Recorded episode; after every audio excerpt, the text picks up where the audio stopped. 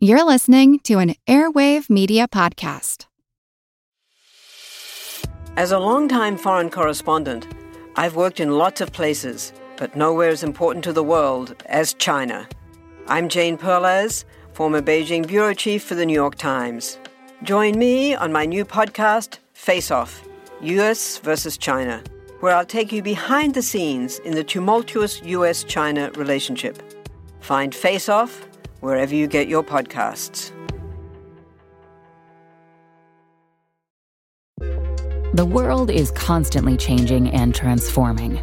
Cut through some of the noise with What's New with Wired, a podcast that goes in depth on the latest news and technology and culture.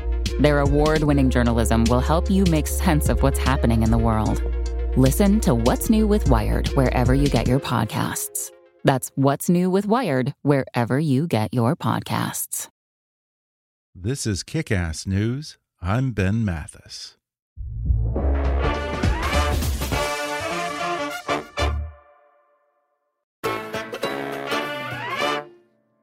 As President Trump's national security advisor, John Bolton spent many of his 453 days in the room where it happened, which also happens to be the title of his new book, the Room Where It Happened, a White House memoir. In the book, he shows a president addicted to chaos who embraced our enemies and spurned our friends, was deeply suspicious of his own government, and for whom getting reelected was the only thing that mattered, even if it meant endangering or weakening the nation. Almost from its inception, the book touched off a war of words between the president and his former advisor, with Trump denouncing Bolton as a traitor, threatening to throw him in prison, and alternately claiming that Bolton's memoir is full of lies and or classified information. But John Bolton says the facts speak for themselves. And today, Ambassador Bolton joins me on the show to reveal what he witnessed during his 17 tumultuous months in the Trump White House. We talk about President Trump's bizarre obsession with authoritarian strongmen and his overall lack of interest in advancing freedom and human rights. Bolton reveals how he reacted to Trump's eagerness to meet with North Korean dictator Kim Jong un, why the second North Korea summit was put together so hastily, and what took place behind closed doors in Trump's infamous one on one meeting with Vladimir Putin in Helsinki. He says the president rarely ever reads, recalls his frustrations at trying to educate Trump about history and foreign policy, and opens up about the numerous times he considered resigning as Trump's national security advisor before he finally reached his breaking point. Plus, he weighs in on whether Trump would willingly step down if defeated in November. Coming up with Ambassador John Bolton in just a moment.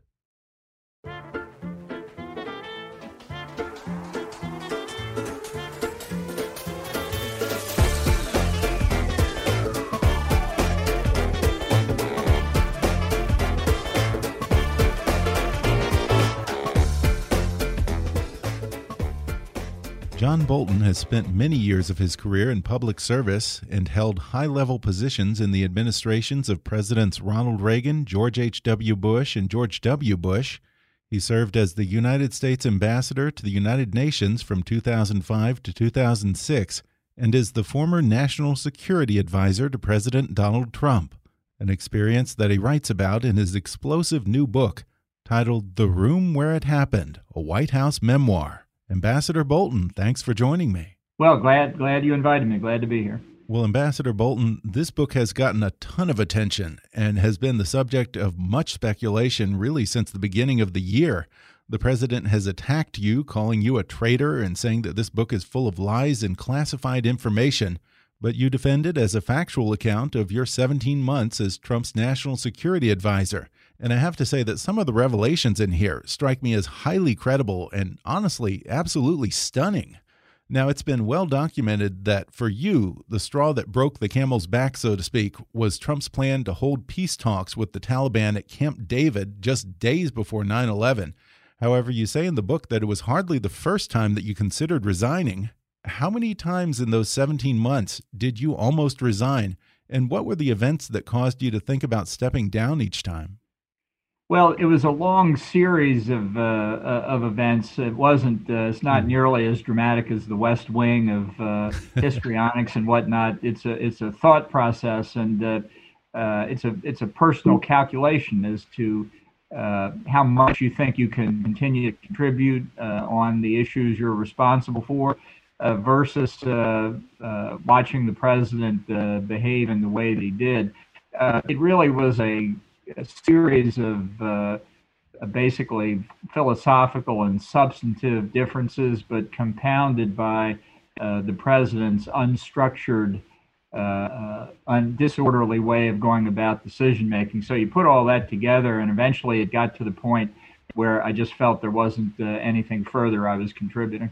And you say in here that one of the biggest sources of frustration for you was the president's astounding ignorance of policy and history and just general lack of interest in learning the information necessary to enact an effective agenda to work with his own military and intelligence officials and to engage productively with other world leaders. You describe a president who rarely reads, only holds intelligence briefings once or twice a week, doesn't really pay attention, trusts his personal friends and Fox News pundits more than his own advisors, and just exhibits a fundamental lack of curiosity about the things that a president ought to know. That has to have made your job all the more difficult. So, when you needed to get Trump's attention on something or explain a particular geopolitical situation or policy, how would you go about that with him? Well, I tried to learn a little bit from the experience of my predecessors and others who had been in the White House. Uh, it was clear that uh, he didn't like to listen to long briefings. He certainly didn't read anything at length uh, if it wasn't in a newspaper like the New York Post. Um, he, uh, uh, he he didn't like complex intelligence briefings. M- many of the briefings were taken up with him talking, not the intelligence briefer. So I tried to um, uh, adjust to that personality. I don't I don't think, for example, many people who recommended well sitting down in the Situation Room and have long NSC meetings so he'll be brought to the right decision just doesn't work like that. Mm. Doesn't work like that. Uh, so I tried to give him what I thought were critical facts. I tried to make sure he knew what the options were, but it was very very difficult to do anything in a systematic mm. fashion. You've said that we owe a lot of gratitude to Vice President Pence for the work that he did in private with the president. When someone needed to talk the president out of his worst instincts, was Pence usually the one who filled that role? And does the president respect him enough to actually take his counsel seriously? Well, I, I don't want to get Vice President Pence into any more trouble than I probably already put him.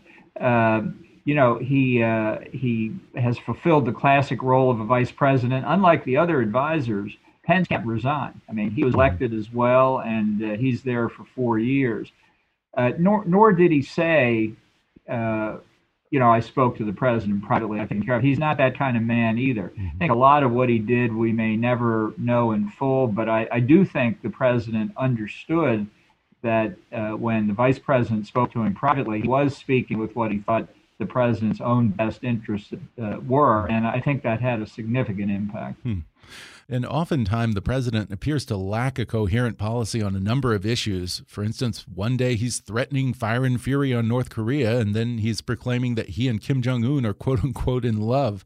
There are plenty of examples of him contradicting the official State Department stance on NATO and other issues. And yet, Trump's defenders love to say that Trump is playing three dimensional chess and it's all part of some scheme that the rest of us just aren't smart enough to understand.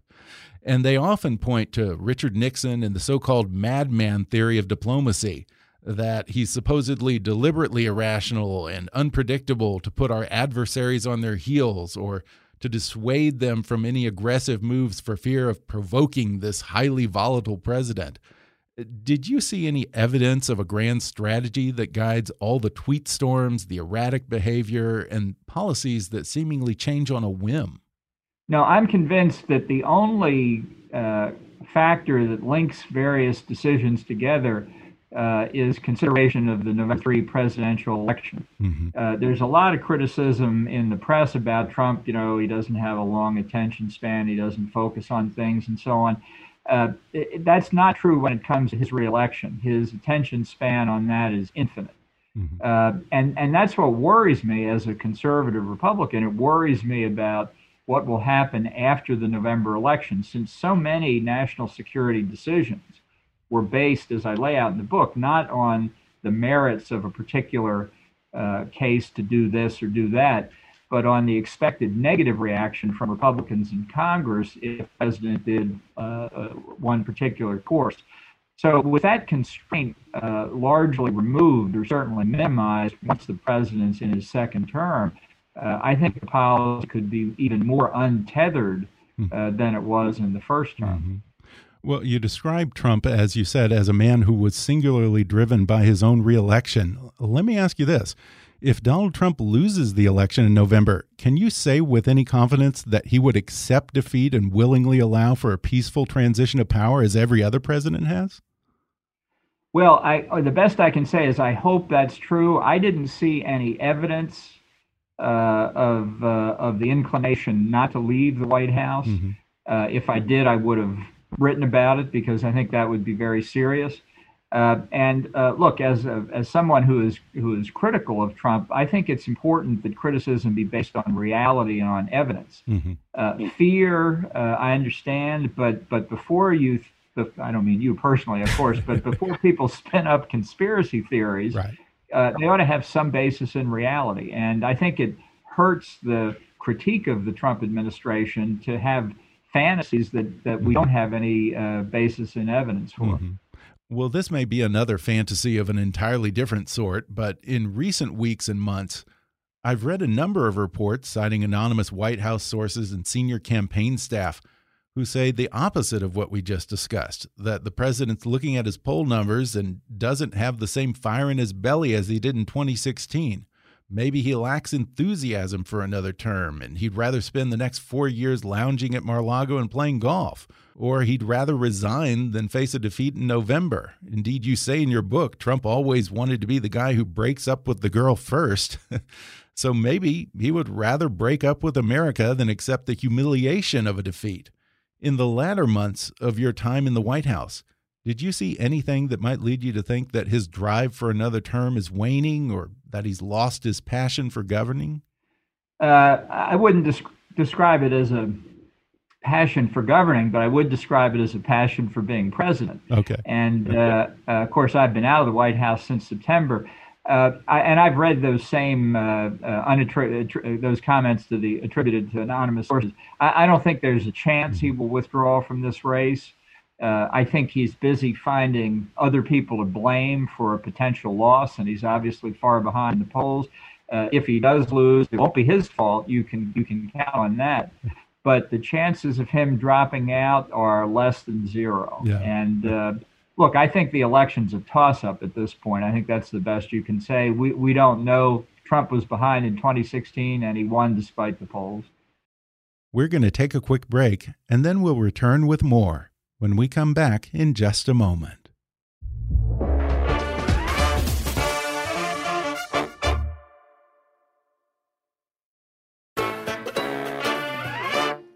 Well, Ambassador Bolton, I want to get into some specific relationships with other world leaders. There are still so many questions lingering around the opaque relationship between Donald Trump and Russian President Vladimir Putin. Even if we dismiss the question of Russian collusion, it's hard not to wonder why this president remains so deferential to Putin, why he's so adamantly opposed to Russian sanctions or any substantive pushback against Putin. What's your take on that? Do you find his behavior toward Putin difficult to explain? Well, I, I think it's very similar uh, in key respects to his behavior toward other authoritarian leaders like mm-hmm. Xi Jinping, uh, Kim Jong un of North Korea, Recep Erdogan of Turkey, Maduro of Venezuela, although they've never met. He wants, he wants to meet with Maduro. Uh, and I'm, I'm not a shrink. I can't psychoanalyze him, but I do think he has an affinity as for one big guy talking to another big guy. Mm-hmm. Uh, for example, before he left in 2018 for a NATO summit, a summit with Theresa May, and the famous Helsinki summit with Putin, he said to the press, leaving the White House, I think the conversation with Putin may be the easiest of all. Who, who would have thought that? Yeah. And the answer is nobody else would have thought that uh, except for him. And, uh, you know, it's disturbing because these uh, authoritarian leaders on the other side of the table, Putin, Xi, are are hard men. Uh, they pursue their country's national interests. They may be charming in person, but they never lose sight of what their objective is. And when they sat opposite Donald Trump, it was not a fair fight. To go back to the Helsinki summit, you recall that you worried about leaving the president alone in the room with Vladimir Putin, but you've also expressed your confidence that nothing untoward happened in their one on one meeting. Now, this is one of those rare moments when you weren't in the room where it happened. So, how do you know? What do you base that on?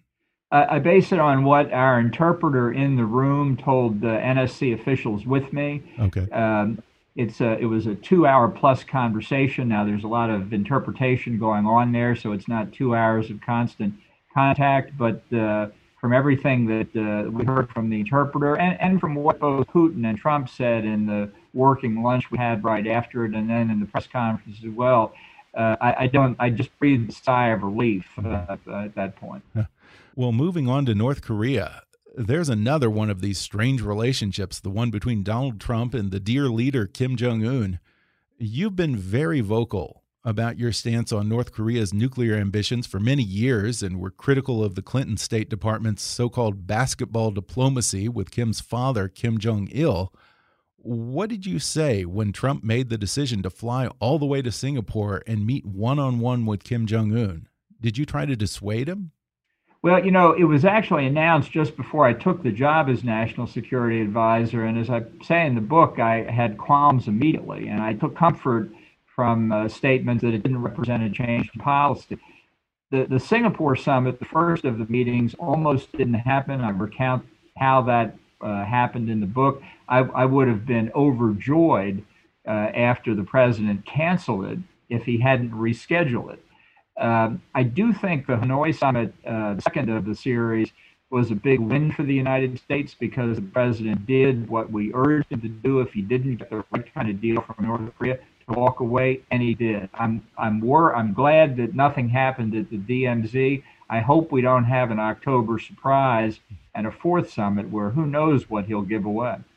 Let me ask you this. Why was the second summit so hastily thrown together? I was in Hanoi for that one, and I can recall how the hotels, the local government, and law enforcement were scrambling to get ready to the point that there there were real questions of whether they could guarantee Trump and Kim's safety with so little advance work. I think they only had a week or two of notice, and it appeared very much like a last minute decision. The media, of course, speculated that it was a last ditch effort to distract from Michael Cohen's testimony before Congress. Was the summit a last minute decision? And did Trump ever explain what the rush was and why it had to be that week? Well, it wasn't so much last minute as uh, there had been back and forth as to where we're going to hold it, and uh, uh, we we wanted to go someplace like Geneva or some someplace out of Asia. Uh, anyway, when when when all that got sorted out, that's how it came together. Certainly, the president, I think, was distracted by the Cohen testimony.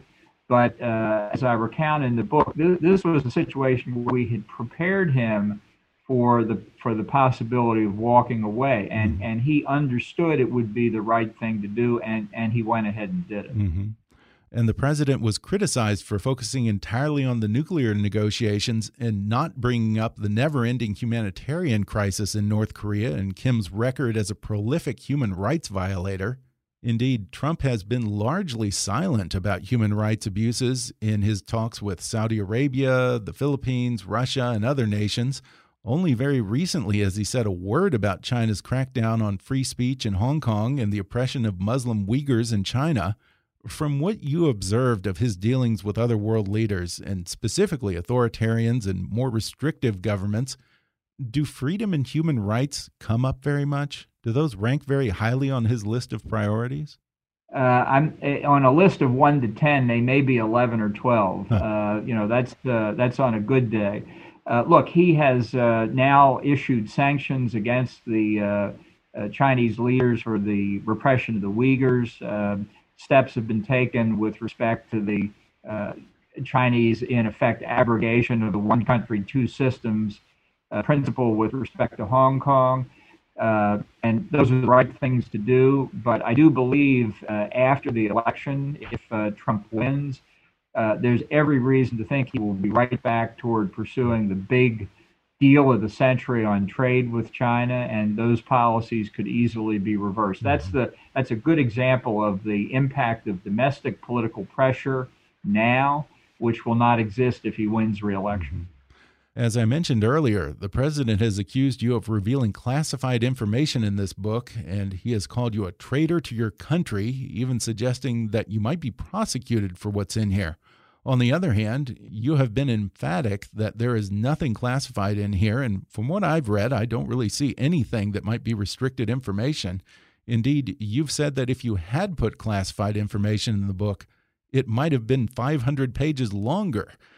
Without going into details about anything that you can't talk about, are there other things that you witnessed about Donald Trump that you couldn't reveal in the book but that would be equally or more shocking to Americans. Yeah.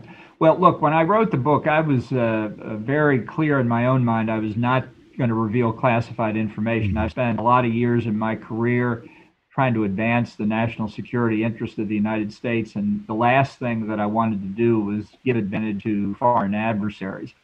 Uh, much of what happens uh, in the book is embarrassing the president, but that doesn't make it classified by any stretch of the imagination. The president's not worried about foreigners reading the book; he's worried about Americans reading the book. Mm-hmm. Uh, you know, it may have been uh, it, it may have been a bit of a stretch to say I could fill 500 more pages with classified information, but the fact is, a lot of what's in there now could have been expanded, and uh, in 25 or 50 years when it's all declassified, maybe I'll write a new edition of the book that, that puts it all in there.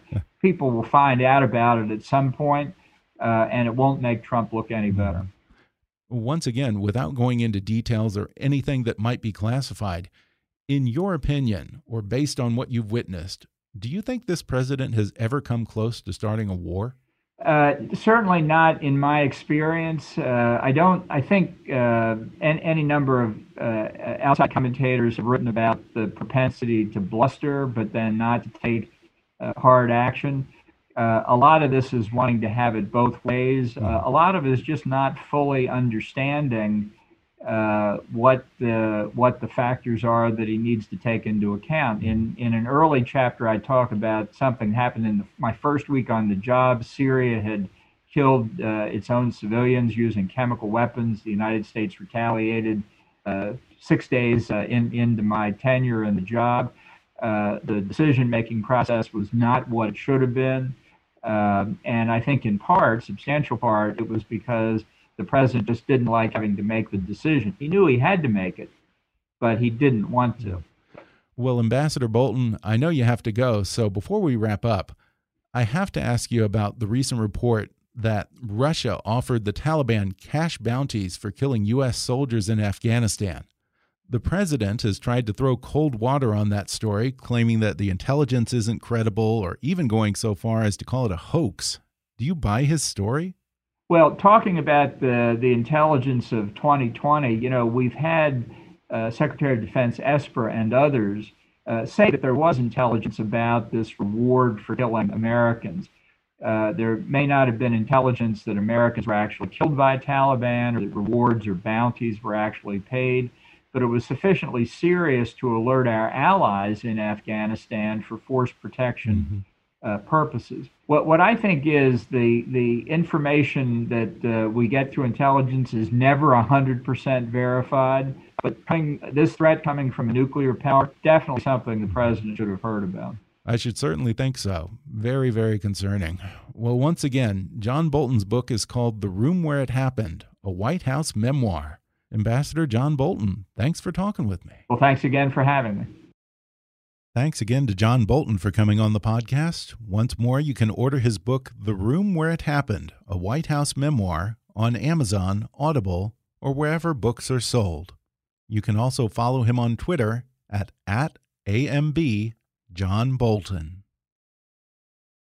If you enjoyed today's podcast, be sure to subscribe to us on Apple Podcasts and rate and review us while you're there.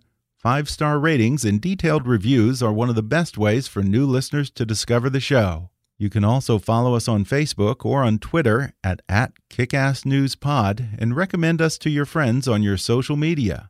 For more fun stuff, visit kickassnews.com, and I welcome your comments, questions, and suggestions at comments at kickassnews.com.